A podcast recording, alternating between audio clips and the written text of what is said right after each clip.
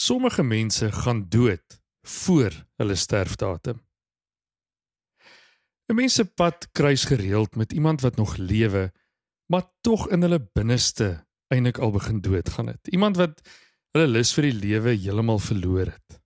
Iemand wat maar net in die lewe dryf soos 'n houtstomp in 'n rivier. Hoekom is dit so? En hoekom en hoe moet ons waak daarteenoor om hierdie punt te bereik? Om ons hiermee te help, gesels ons vandag met Dr. Johan Pinaar van Pretoria. Hy was voor sy aftrede by NG Kerk Rivera in Pretoria 'n predikant en het 'n groot liefde daarvoor om spanne te help met persoonlike en groepsontwikkeling. Ek hoop jy luister lekker saam.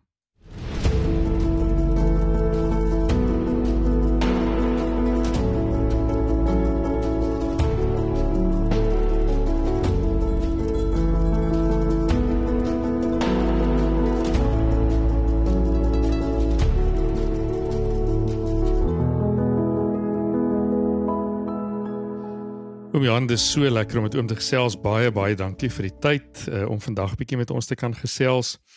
Ehm um, en ek dink dit is 'n belangrike ding waaroor ons vandag gesels want 'n mens kom so gereeld in jou lewe uh op iemand af of iemand in jou familie of 'n vriend wat regtig hulle lewenslus verloor het. En uh oom het so reg terug op Facebook geskryf van 'n uh, 'n interessante verhaal of 'n ervaring wat oom gehad het met 'n uh, 'n oom wat met kanker gediagnoseer is. En dit het my so aangegryp. Vertel gou vir ons die storie. Nee, eers net vreeslik dankie vir die uitnodiging. Dit is vir my regtig 'n groot voorreg om met jou in gesprek te wees, maar nou wil ek in dieselfde asem sê dat ek nou so halfhuiwerig is vir hierdie gesprek omdat ek self maar ontdekkend nadenkend uh besig is om baie te dink oor hierdie goed. Ek is ook maar op 'n bepaalde leeftyd in 'n leeftydfase wat my baie meer weerloos maak verseker goed. Maar kom ek vertel eers die storie. Uh eers net oor die oom. Mense dink baie keer dat iemand wat so soos jy gesê het so begin uh, dryf iemand is wat in elk geval nêrens gekom het nie. Wat nie waar is van hom nie. Hy was 'n top top mens gewees. Voorsitter van 'n paar verenigings, 'n baie goeie navorser, iemand wat letterlik die wêreld volgery het. Hy was 'n versamelaar van bepaalde goed gewees en en iemand wat sy merk op soveel maniere gemaak het ook in ons gemeente om 'n lang storie kort te maak hy hoor dat hy kanker het. Ek het nie geweet daarvan nie. Maar so twee dae later toe bel sy vrou my en sy sê my jong sy sê ek is baie bekommerd oor hom. Ek sê wat het gebeur? Sy vertel toe my vir my van die kankerdiagnose en sê toe dat hy by die huis gekom het letterlik sy pyjamas aangetrek het in die bed gaan klim het en hy weier om op te staan. Hy gaan hy staan regtig net op 'n badkamer toe te gaan en terug te kom. Ja. Ek gaan ek sê toe vra ek sou kom en ek kan begin nog selfs ek gaan sit daar met baie wonderlike oom en ek het groot respek vir hom gehad. En toe gaan sit, toe sê hy vir my voor ons enigsins verder praat. Ek wil hoor of jy my begrafnis sal doen en of ek met jou die reëlings kan maak vir my begrafnis. Ja. Wat my natuurlik toe moes kon wou sê toe vir hom dankie dat hy my vra en uh, dit sal vir my voorreg wees om dit te doen. Ek het net een voorwaarde en ek sê dit in 'n regtig op die ingewing van die oomblik. Hy sê wat is die voorwaarde? Ek sê nee, ek wil hom se toestemming hê dat ek die dag by hom se begrafnis moet sê, kan sê dat hier begrawe ek iemand wat nou 'n hele ruk gelede al gesterf het. Ja en ek bly stil. En hy bly stil en hy het lank daaroor nagedink en hy sê ek hoor wat jy vir my sê. Weet jy die en hy daar opgestaan. En as ek reg onthou het hy nog 'n goeie 3 jaar daarna gelede voordat hy uiteindelik aan hartaanval dood is. Nie eers aan kanker verwante goed nie. En dit was my geweldige ervaring geweest. Nou sommer net saam dit. Ek lees in daai tyd ek lees ek van 'n besante rooi en pad na Indië wat uh, net na sy vrou oorlede is, het hy reg langs sy vrou se graf het hy 'n tweede gat laat grou. Ek dink nou dis nie vir mense vreemde gedagte nie. Mense kry mos nou baie keer op mense so langs mekaar begrawe word. Wat wel vreemd is is dat die rooi wat op daardie stadium beweer het hy sal 103 jaar oud elke dag daar in die graf vir sy dood gaan wag het. Ja. Nou dit is waar wat gebeur by mense. Dat mense op 'n stadium in 'n lewe as gevolg van iets ophou leef. Regtig ophou leef en ek wil ek sê hierdie lewe is met hoofletters. Natuurlik. Is dit 'n ouderdomsverwante ding of kry mens baie keer jonger mense wat ook daardie punt bereik? Dit is 'n baie belangrike vraag wat jy nou vra.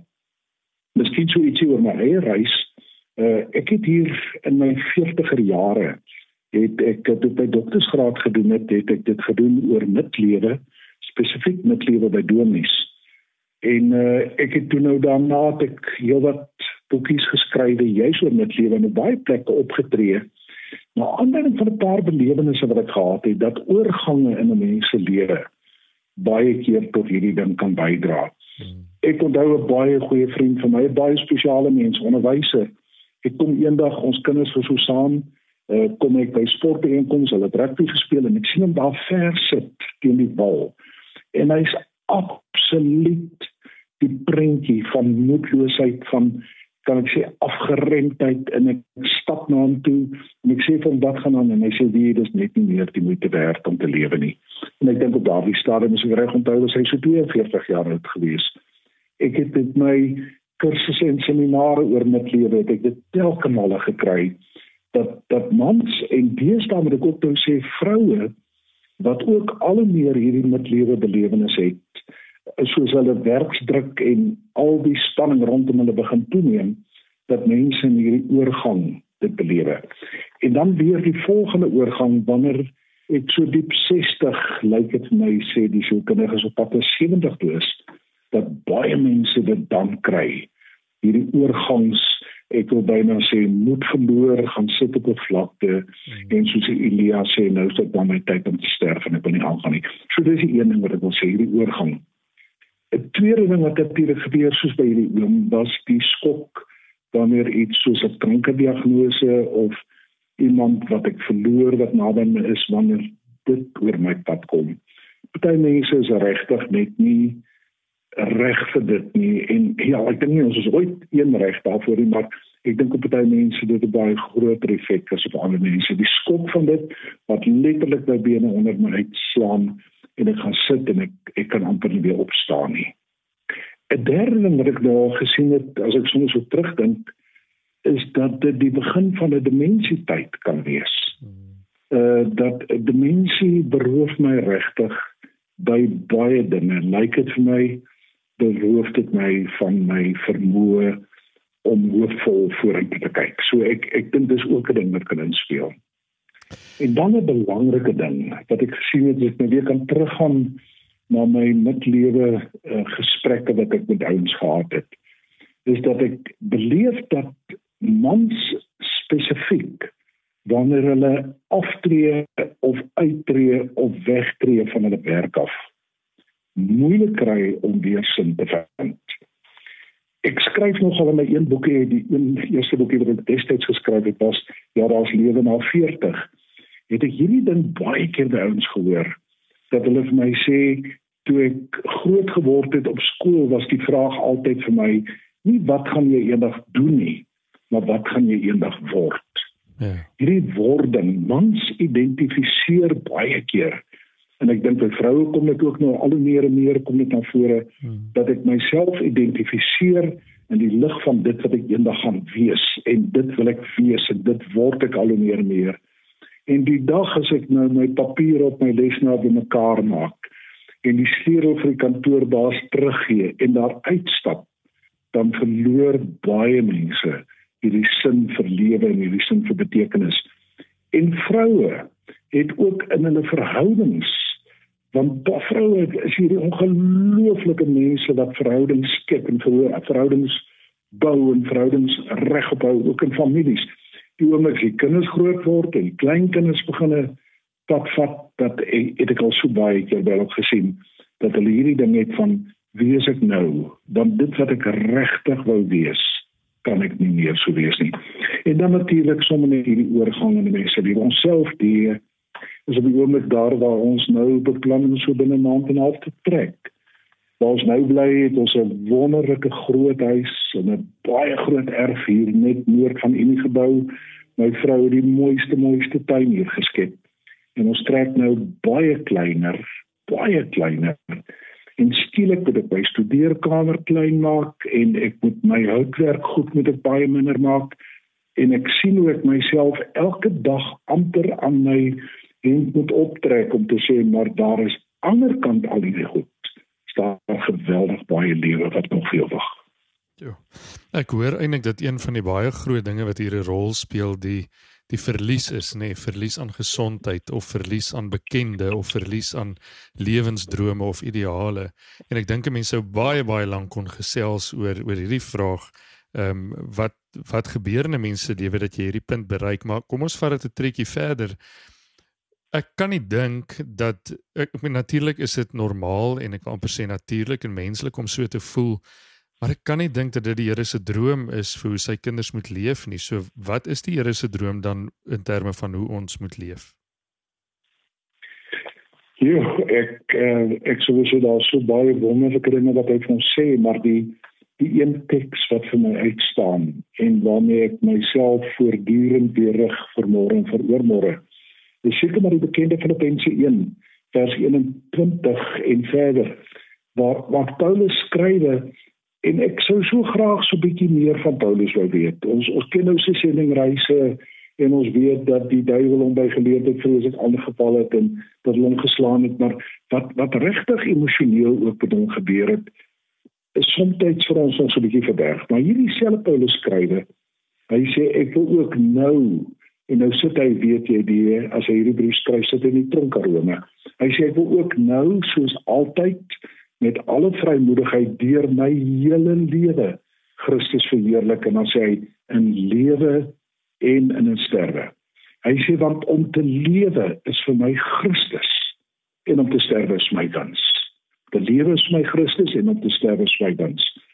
Hy sê as ek in die lewe bly, dis nou die droom dink ek waarvan jy gevra het.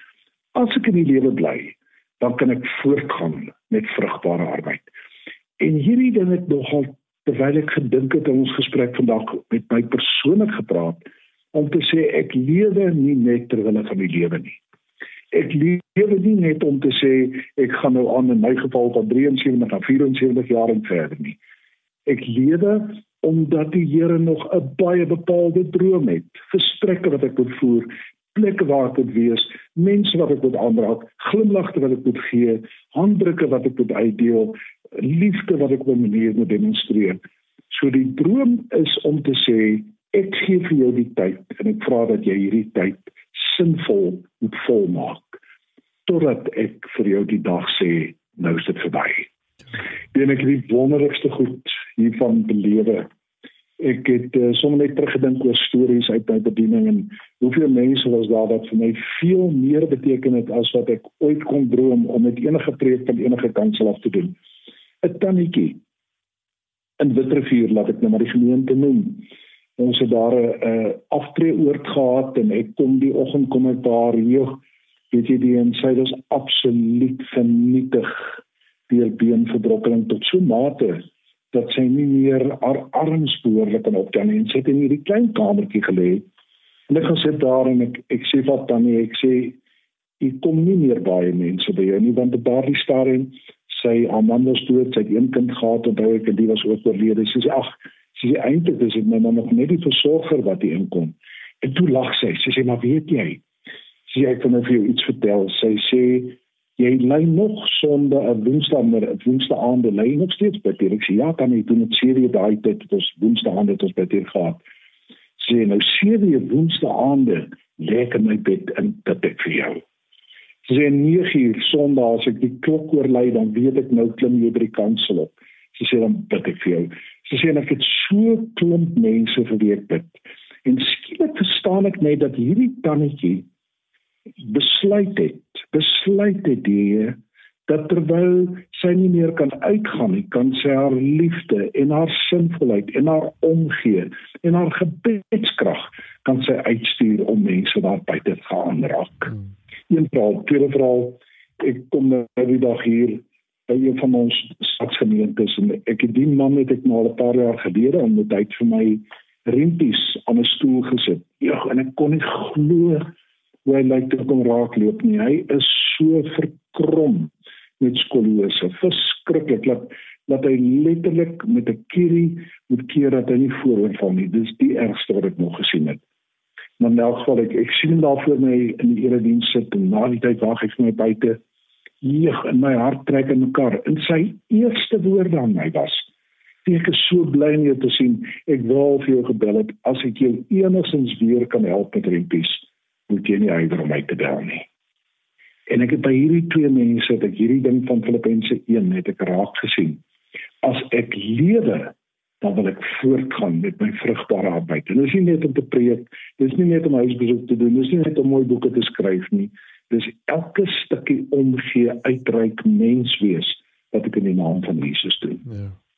Ek het al so gewens, kom ons gebruik hierdie tannie van Witrivier as 'n voorbeeld, dat 'n mens by so 'n tannie kan gaan sit, al is dit aan die einde van haar lewe en sê tannie, leer vir ons, wat is die lewenslesse wat ons moet moet leer, moet aanleer wat tannie al geleer het oor hoe mens nie sterf voor jou dood nie, hoe mens voluit leef. So, wat is die tipe raad wat ons kan vat uit uit hierdie tipe gesprekke uit uit mense by wie ons kon leer wat al hierdie hierdie ding kon aanleer van hoe om te leef en nie te sterf voor jou dood nie. Ek wil ek wil nou 'n storie vertel as ek mag die en ek hou ook my oog op jou losie nou hierdie is my vreeslike belangrike ding. Ek het hom al op ander forums te kon gedeel. Eh, net om om te probeer dink oor wat dink hulle, wat het hulle gedink, wat het hulle daar gebring. Dit het ook in dit geval gebeur. Ek het daardie voorreg gehad om my vlieglisensie te doen.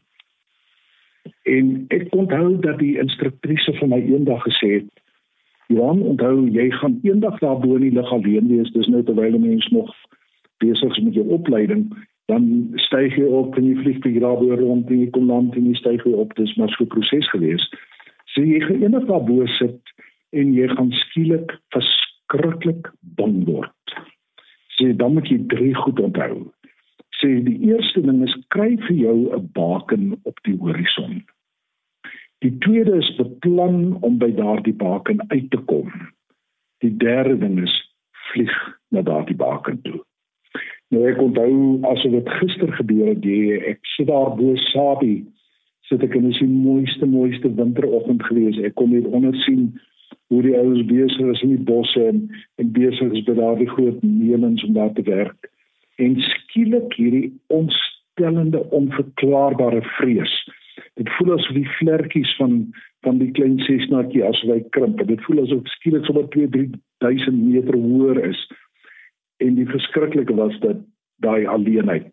Ek is alleen in hierdie area en ek weet ek moet hierdie area alleen op die grond gaan neer. So daar was nou nie 'n engel hier nie sit kyk langs my nie. Ek het onthou wat wel vir my gesê het en ek kyk so rond en ek sien daar ver op die horison is daar 'n 'n baken, Mariepskop. Baie duidelike baken. En ek het so so pad op my knie gehad en ek begin op die pad begin ek skryf. Ek dink ek my hoogte so hou en dis omtrent hoe ver dit is en dis die spoed waarteen ek moet vlieg en dis die rigting en toe die derde ding toe vlieg ek. So toe nie oomblik toe ek daar kom dis my vrees weg. Kon ek omdraai en ek kom rustig terugvlieg na Spruit Lughawe toe en ek kon die vliegtuig neersit nou net terug na die tannetjie toe en terug na die oom met die rimpie stoele. En ek dink terug na baie van my vriende wat ek nou nog sien dat baie besondere spesiale lewens lei is in die eerste plek dat hulle besluit geneem het. Hulle het gesê dis my doelwit. So ver as wat ek kan, wil ek daarby uitkom. Dis die Mariekskop in my lewe. Dis waarheen ek wil gaan. Ek wil nog dit wees. Ek wil nog dit sê, ek wil nog hierdie ding gee. Ek wil nog daarby uitkom. Dit kan 'n reis wees. Dit kan iets wees wat ek wil skryf, wat ek wil teken, wat ek wil maak, wat ek sommer net wil wees. Dis my Mariekskop. Tweede ding dat ek gaan beplan jy weet ek ek dink so baie van ons goed val plat omdat ek hoop as ek dit vir myself gesê het dis nou belangrik dan doen ek niks meer daaraan nie want dit is mos nou belangrik. Dit vat baie keer harde beplanning om die res van my lewe te sê so ver as my gesondheid en my lyf en my liggaam en my gedagtes my toelaat wil ek beplan om hierdie goed te doen. Dis die stappe dis wat ek nodig het Dis die pad wat ek moet loop. Dis die mense wat ek rondom my bymekaar moet maak dat ek regtig 'n stuk beplanning rondom moet doen en dan die derde ding. En ek dink op ons ouderdom is dit vir my verskriklik belangrik om te beweeg. Om te sê as ek daardie doel wat het, as ek hierdie beplanning gedoen het, dan beweeg ek so toe. Daar is 'n ou gesegde wat 'n ou vriend vir my altyd gegee het. Hy het gesê die pad na verlorenheid is vol met goeie voornemens. Voornemens wat die ouens gehad het waarna hulle net nog niks gedoen het nie. Dat ek op hierdie ouderdom in my lewe, soos ek hier sit, soos ek met jou praat, soos ons trek voor lê, vir myself sê dis die dinge wat ek wil doen dis die dinge wat ek gaan doen ek beplan dit en ek begin nou reeds om die goed daarvoor in werking te stel ek lees 'n wonderlike ding wat vir my so gegryp het uh iemand skrywe i sometimes forget that i was created for joy my mind is too busy my heart is too heavy for me to remember that i've been called to dance the dance of life. I was created to smile, to love, to be lifted up and to lift others up. En dan skryf hierdie persoon, "O sacred one, untangle my feet from all that ensnares. Free my soul that we might dance and that our dancing might be contagious." In our het dit geskrywe. Sure. Ons sal baie lank oor vlieg kan praat. Ek weet ook in die in die vliegkringe is daar 'n sê ding wat ehm um, sê rather wish you were up there than wish you were down there. En uh, ek dink dit is ook so 'n mooi metafoor vir hoe mense wanneer jy ook al 'n bietjie reflekteer op jou lewe nooit moet spyt wees dat jy nie geleef het en nie voluit geleef het nie dat jy nie up there was nie. Ek weet nie of oom daarmee kan resoneer nie. O, oh, absoluut, absoluut. Daar's 'n wonderlike kan ek dit gou van die VD's wat uh, sê life should not be a journey to the grave with the intention of arriving safely in a pretty pretty and well preserved body. Hmm. But rather to skidding broadside in a cloud of smoke, thoroughly used up, totally worn out, and loudly proclaiming, Wow, what a ride! en Hunter Thompson het dit geskryf. Ek ek dit dat vlieg dit vir 'n mens kan leer en dit vir 'n mens moontlik kan maak. Ook vlieg in die geestelike sin van die woord. Nou ja, toe. Ons het uh, baie geleer vandag en um, ek wil jou uitdaag om uit te gaan en nie net te gaan lewe ter wille van die lewe nie. Gaan leef omdat die Here 'n bepaalde droom vir jou het, vir jou lewe het. Tel jou kop op. Laat die Here jou jou vasgebinde voete lossny sodat jy die dans van die lewe kan dans. Pas jouself mooi op tot 'n volgende keer. Totsiens.